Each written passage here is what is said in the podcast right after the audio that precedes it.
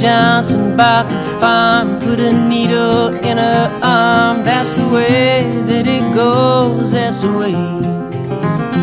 Then her brother laid her down in the cold Kentucky ground. That's the way that it goes, that's the way. That's the way that it goes. Everybody's buying little baby clothes.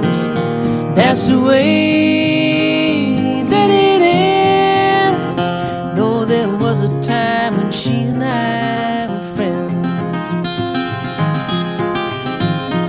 Then Miranda ran away, took a cat and left LA.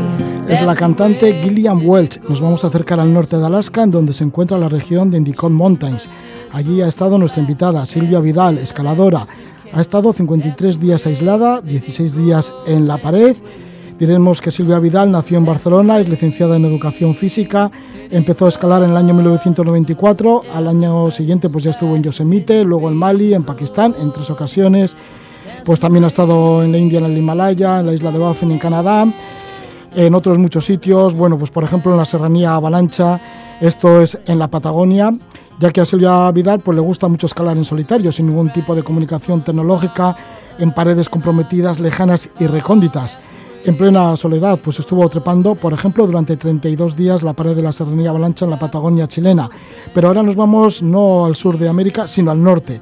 Y además muy al norte, al norte de Alaska y esta región indicó para que Silvia Vidal nos hable de la gran aventura que ha vivido allí, entre otras cosas motivada por los osos, los osos que aparecieron en varias ocasiones. Bienvenida, muy, muy buenas noches, Silvia Vidal. Buenas noches. Silvia, pues sí que te gusta esto, ¿no? Llegar a paredes así como muy lejanísimas y encima en solitario y sin radio, como en esta ocasión, la última ocasión allá al norte de Alaska, y sin nada, ¿no? Sin ninguna conexión con el exterior. Sí, sí, sí. Bueno, conectada conmigo. ¿Y por qué? Eh? ¿Por qué estos retos, estos desafíos? Bueno, para mí son necesidades personales. ¿eh? No es algo que haga frecuentemente, no es algo que haga cada año, pero sí que de vez en cuando necesito pues vivir pues experiencias en solitario y, y en lugares eh, con naturaleza. En este caso, ¿cómo encontraste esta pared tan remota? Pues la había visto hacía ya un tiempo por, por un vídeo que vi de, de, unos escaladores que fueron a la zona, pero que no fueron a esa pared. Lo que pasa que como para acceder allí tienes que, que ir con avioneta, eh, pues habían grabado imágenes desde, desde el aire y vi la pared esa. Para empezar, te fuiste a mediados de junio a Fairbanks, en Alaska, y ahí es cuando alquilaste la avioneta, ¿no? Una avioneta particular. Sí. ¿Y en dónde te dejó esta avioneta? En realidad tuve que, que, coger dos. Una primero que me llevaba desde un punto de la carretera donde llegué con autobús hasta un pueblecito que se llama Beddles, que, que es un pueblo que, que en verano son 25 habitantes y en invierno 5, y que no, no hay carretera de acceso hasta ese pueblo. Y a partir de allí tuve que coger un hidroavión, también así particular, para, para aterrizar pues en, en un río así quieto que hay, que parece un lago, y allí ya te dejan y, y ya empiezas a andar empiezas a andar, pero para llegar a la pared es toda una aventura. Ya solo para llegar a la pared, vamos, te la estás jugando, ¿no? Quiero decir, porque tienes que portear muchos kilos y luego están los osos. Sí, sí, sí, sí, los osos, los ríos y otros bichos de más, porque allí hay, hay lobos y, y hay, hay, más animales así grandes, ¿no? Hasta pero... pequeñitos, porque había plaga de mosquitos. Exacto, sí, sí. Los mosquitos la verdad que, que, son pesadísimos, pero bueno, eran un mal muy menor comparado con los otros bichos. ¿Cómo hacías para transportar? ¿Cuántos kilos llevabas de transporte a la pared? Pues llevaba pues 150 kilos, eh, repartidos en, en seis bultos de 25 kilos. Y... y entonces lo que hacía era ir haciendo viajes, eh, como que dividí todo el trayecto desde donde me dejaba el hidroavión hasta la pared en, en varias etapas que, que las iba haciendo sobre la marcha porque no tenía claro dónde parar, ¿no? Y andaba unas horas y volvía para atrás, cogía otro bulto, volvía para atrás, otro bulto, así, o sea, que hacía 11 veces el camino, 6 con peso y 5 de vuelta para, para ir a buscar el siguiente bulto y a partir de allí otra vez una etapa más, otra vez 11 veces, así hasta llegar a la pared. ¿Cuántos días tardaste en llegar a la pared y cuántos kilómetros fueron? En llegar a la pared estuve unos 16 días y y para volver de la pared tardé 20 días porque como tenía ya acordado una fecha concreta de recogida del hidroavión, porque al no llevar radio y teléfono lo tenía que acordar antes, pues me sobraban esos días y entonces tuve que hacer los desporteos en esos días, ¿no? Y, y en total, entre ida y vuelta fueron unos 540 kilómetros como mínimo. ¿Cómo puedes con 150 kilos de, de material? Porque además era un material como muy preciso, ¿no? Que lo tenías todo súper controlado, incluso el alimento lo tenías que podías pasar hambre. Bueno, llevaba lo, lo mínimo, que, que suena como muy raro que digas llevo 150 kilos y llevo lo mínimo, ¿no? Pero la verdad es que eh, de comida llevaba dos bultos de 25 kilos, 50, 50 kilos de que no eran realmente 50 kilos de comida porque eh, para llevar la comida tenía que, que llevarla en unos bidones de, de hierro así redondos que son especiales para antiosos, que los osos en teoría no los pueden abrir, ¿no? Y eso era imprescindible porque si no, no, no pasas ni un día ahí entero que se te lo comen todo, ¿no? Y esos bidones vacíos pesa, cada uno siete kilos y medio. O sea, ya son 15 kilos de, de, de, recipiente, ¿no? Y luego, por ejemplo, los petates vacíos pesan cuatro kilos y medio, o sea, que, que llevaba como 25 o más kilos que solo eran recipientes y el resto pues el material de escalada que para hacer escaladas de este tipo pues necesitas muchos hierros, cuerdas, hamaca, todo pesa, pero lleva lo mínimo de todo. ¿Cómo podías con tanto peso? Porque tú no debes pesar demasiado. No, yo peso unos 45 kilos. Por eso, que bueno, que fíjate el esfuerzo que tenías que hacer. Sí, pero bueno, la verdad es que es ponerle ganas y también estar fuerte, ¿no? De, a nivel así general de piernas y aeróbico, ¿no? Que, no es lo mismo que estar fuerte escalando, ¿no? Es otro otro concepto de, estar en forma, ¿no? Y, bueno, y también que con el día, cada día, cada día te vas poniendo más fuerte porque o eso o acabas fatal. No llevabas teléfono, no tenías radio, pero parece ser que tampoco llevabas demasiados mapas. No, no, no, eso fue, bueno, un despiste por mi parte, pero no, la verdad que no, no tengo ni idea de cómo mirar mapas y orientarme y así, ¿no? Yo voy siempre muy por intuición y a todos lados voy igual, ¿no? Pero allí es un sitio, pues, que que me dejaron en un valle, tenía que entrar a otro valle, hay bosques con árboles súper altos, como que hay muy poca visibilidad y todo, y bueno, no llevaba un, un trozo del mapa de, del valle, pero solo la parte superior que yo calculaba, no sé, que era la más conflictiva de, de, de, de, encontrar el camino, ¿no? Pero la verdad que en la parte baja tuve problemas para acceder al otro valle y, y bueno, mm, de esas cosas que dices, ¿cómo puede ser que no haya hecho una fotocopia tan siquiera de la parte inferior del mapa, ¿no? Pero bueno, me di cuenta allí y fue como, vale, pues vale, vas a ir así porque no tienes otra. ¿Contabas con los osos? Porque ya el primer día tuviste el primer encuentro con los osos, con un oso. Sí, sí, sí que contaba con los osos. La verdad que esta expedición, que la he estado preparando previamente, así como otras, eh, me estuve informando muchísimo del tema de osos y era mi principal y básica preocupación. O sea, tenía claro que iba a un sitio con muchos osos, es territorio de osos, y que son osos salvajes y que hay muchísimos, y tenía claro que, que, eso, que eso era un problema enorme y era mi miedo máximo, ¿no? Porque, bueno, pues me había estado informando muchísimo, me había puesto en contacto antes de ir con los rangers de, del parque de la zona, y bueno pues todos todos me decían pues que imposible ir allí sin sin los bidones que tenía que ir como mínimo con sprays antiosos que la gente va con armas no algunos. Y no sé eh, la verdad que, que estuve bastante rayada de que incluso me llegué a plantear si ir o no por este tema. Y es que eso llegaste y allí estaba el oso el primer día el primer día de porteo. Sí sí fue, Además debía ser un oso negro grande y así. Sí, era grande, era grande. Eh, mira, yo estuve allí 53 días, ¿no? Y el primer día que llegué me dejó el hidroavión, se fue y a partir de allí pues ya estaba sola y monté un campamento con todos mis bultos y con todo, ¿no? Y y estaba en la tienda así durmiendo y a las 3 de la madrugada me despierta un sonido o algo, la verdad que no sé qué me despertó, pero me desperté. Allí son 24 horas de luz, con lo cual tienes ves, ¿no? No es que estuviera oscuro. Y miro, me incorporo, miro y veo allí viniendo hacia la tienda, pero a 3 o 4 metros como mucho, un oso viniendo hacia la tienda, ¿no? Y en ese momento es que, es que no sé cómo no se me paró el corazón, porque, me, bueno, pasé un montón de miedo. Entonces ya dormí al lado del spray y, cogí el spray, pero ya te dicen que el spray nunca lo uses dentro de una tienda, porque te va a ir ahí a ti todo, es pimienta de esta, ¿no? Es como los sprays estos para cuando te ataca alguien, ¿no? Y, y bueno, entonces le pegué un grito al oso, se, se giró, se fue para otro lado y, y a mí me permitió eso salir de la tienda. Y, y, bueno, empecé a hacer todo lo que te dicen que hagas, que te muevas mucho los brazos haciendo ver que eres más grande de lo que realmente eres, que, que les apuntes con el spray pero que no dispares hasta que no te ataquen porque si no mm, aún es peor, ¿no? y, y, que grites con voz así grave y que hagas mucho ruido, pues estuve haciendo todo eso, pero el oso ni caso, ni caso. Empezó a, a moverse por ahí, estuvo yo creo que más de media hora o lo que a mí se me hizo como media hora, pero estoy bastante segura que más, ¿no?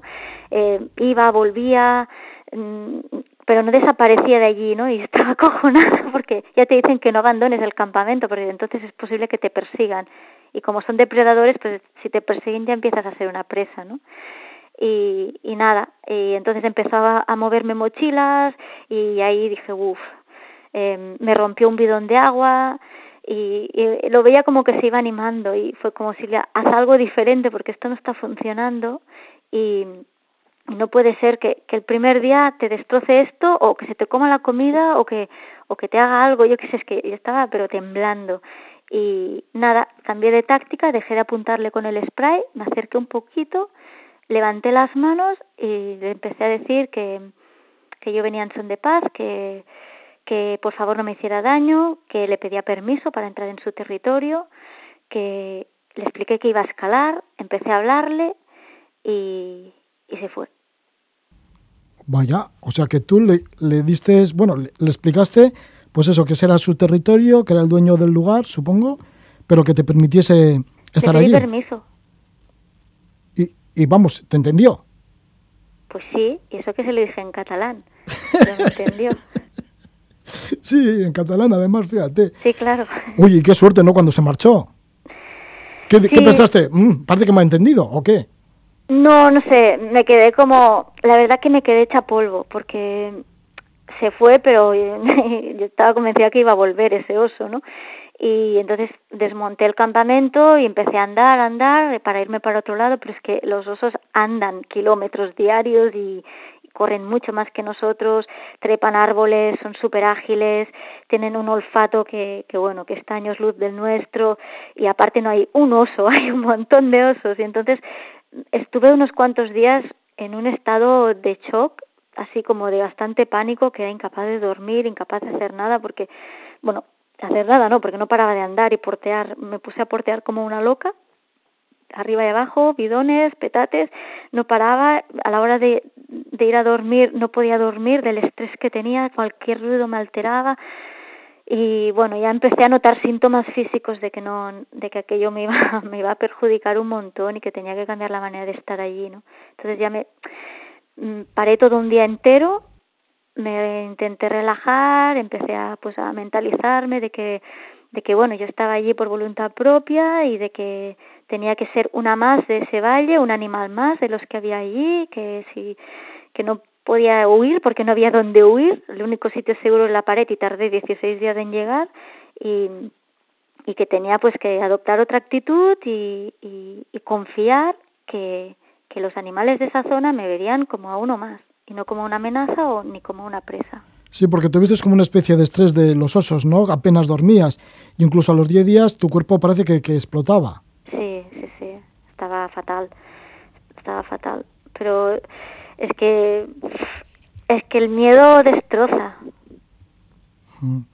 Y parece ser que también a los dos días te encontraste con un grizzly, que sí, son los más grandes y más que tienen fama de fieros. Sí, sí, sí, iba andando y, y me encontré frente al grizzly que estaba allí en medio del camino. Perdona, ¿eso qué fue? ¿Después de los 10 días que tropezaste tan mal? Sí. Ah, vale, ya después. Sí, sí. Una vez ya, ya me pude relajar un poco más. Miedo lo tuve todos los dos meses, excepto, excepto los días que estuve en pared.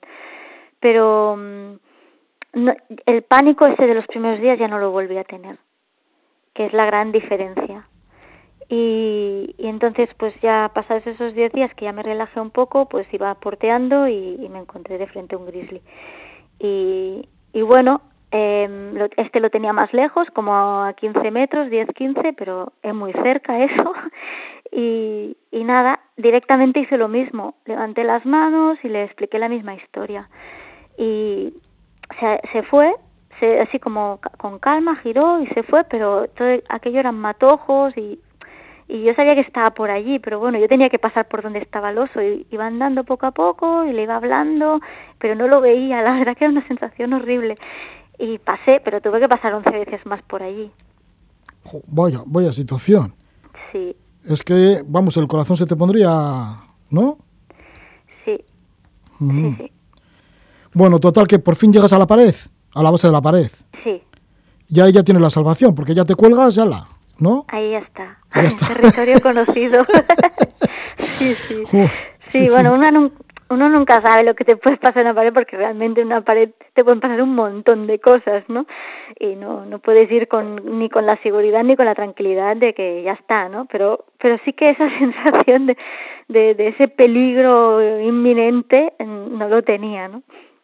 Cuando llegaste allá a la pared todavía había nieve, ¿no? Al norte de Alaska, en esta pared. Sí, muy po en la pared no, porque es una pared muy vertical, incluso bastante desplomada en los primeros metros. Pero el acceso había a tramos con nieve. Sí, no, ¿Y no llamas grampones ni nada? No, no, no, porque en teoría en, en, esa época del año ya pues ya, ya contaba que te podías encontrar con tramos así con nieve, algún nevero así, pero pero bueno, mm, hubiera ido bien llevar grampones porque hubiera ido más tranquila en algunos sitios porque había pues hielo más que nieve, ¿no? Y, porteando y en zonas así pues más tiesas, más verticales, un patinazo no, la verdad que no.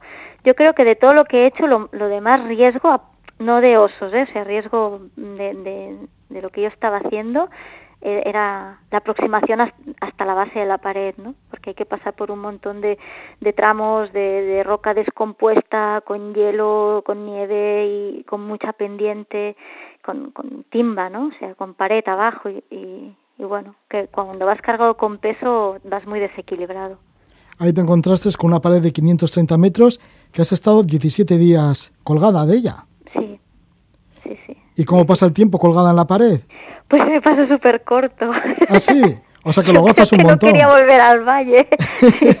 Pero sí, no sé, es que me, lo pasé muy bien. Me lo pasé súper bien. La pared es preciosa y, la línea también es muy bonita, el paisaje, todo. Y, y no sé, eh, es una escalada. Mmm, la pared esa tiene tiene pocos sistemas de fisuras, con lo cual hay, mucha placa y, es mucho más creativo, ¿no? La, la escalada artificial y y no sé, yo estaba, cuando estoy en pared, la verdad que estoy a gusto, a no ser que tengas una meteorología muy, muy adversa, y aún así, ¿no? Y, bueno, disfrutándolo. De verdad que menos los diez primeros días, el resto lo disfruté todo un, montón. ¿Y cómo se llama la vía? Porque esto es en Arriguet Peaks, ¿no? En Alaska. Sí, eh, la pared se llama Xanadu y la vía se llama, bueno, Xanadu ya se llamaba, ¿eh? no es un nombre que haya puesto yo. Y la pared, eh, la vía se llama Un Pas Més, un paso más. Así lo has, lo has llamado, ¿no? En catalán. ¿Y por qué un paso más? Bueno, de entrada fueron 540 kilómetros, que no sé cuántos pasos deben ser eso, pero esa sensación de venga, va, un poco más, venga, va, un poco más, venga, va, va, hoy, hoy un poquito más, va. Y, y luego, pues bueno, que, que dentro de, de mi trayectoria, de, de mi vida, de mis vivencias, pues cada, cada expedición es un paso más, ¿no? Porque es una experiencia más, una vivencia más y, y bueno, situaciones nuevas, que siempre es algo más que tú incorporas a, a tu vida. ¿no? Ya, pero te dices un paso más, un paso más, pero nunca acabas de llegar a veces, ¿no? ¿O qué? ¿A dónde? Bueno, que digo, pues eso, que, que al final, que algún momento llegar a decir, bueno, voy dando pasos, pero mm, mm, ¿hasta cuándo tengo que seguir dando pasos? ¿No te pasaba? Bueno, mmm, yo pienso que, que siempre puedes dar pasos, ¿no? Aunque no sea físicamente, ¿no? Y sí que hay momentos que, que dices, ostras, ya no puedo más, ¿no? Pero, pero en realidad cuando estás en situaciones como estas, que ya sabes a lo que vas, aunque no sepas realmente cómo va a ir, ¿no? Pero sí que, que, hay una parte previa de mentalización de lo que vas a hacer, ¿no? No es aquello que te levantes un día y te encuentres ahí en Alaska en medio de esta historia, ¿no? Entonces, pues bueno, ya ya vas un poco mentalizado a que a que a que van a haber situaciones pues difíciles, complicadas, duras y, y de todo, ¿no? Y, entonces, pues bueno, es ir trampeando cada situación en, en cada momento. Y, y sí que hay momentos de decir, ostras, ya estoy harta del peso o de los kilómetros, pero no te da la cabeza para pararte, porque es que si te paras no vuelves. Cuando estás ya colgada por fin de la pared y pasan los días, ¿cómo te sientes? Porque era el propósito, el objetivo, ¿no? Final supongo, ¿no? Sentir esa sensación de estar en un lugar salvaje, remoto, sin comunicación con nadie. Sí, mira, yo me sentí muy, muy a gusto, eh, excepto esos primeros días que los entiendo y los veo como una aclimatación a saco, de venga, ponte las pilas ya, porque si no de aquí no te vas. Y mm, luego estaba allí como súper, súper a gusto y súper contenta y disfrutando de todo. Tanto incluso que, que, que durante la, la vía tuve bastante mal tiempo, bastante, bastante lluvia y viento y días malos, ¿no? Pero ahora que, que bueno, que estaba montando la proyección y todo esto, veía las fotos, los vídeos y tal, pensaba, ostras, pues sí que tuve más tiempo, ¿no? Es que ni, ni me había enterado, o sea, sí, sí que era consciente que había llovido, pero no tanto, ¿no? De, de, de, lo inmersa que estaba en, la situación y en la historia, ¿no? Silvia, para tener más información de lo que nos estás contando y por si alguien igual te quiere llamar para dar alguna conferencia o lo que fuere, mm. ¿cuál es el contacto? ¿Cuál es tu página? Mi página web es www.vidalsilvia.com. Pues muchísimas gracias Silvia Vidal por este testimonio, este testimonio de esta gran aventura que has vivido en el norte de Alaska, que has estado 53 días aislada en la compañía de los osos y bueno, yo esos 17 días colgada ahí en la pared. Pues gracias a vosotros, es que ricasco. Es que ricasco, Silvia, que vaya bien. Ahora.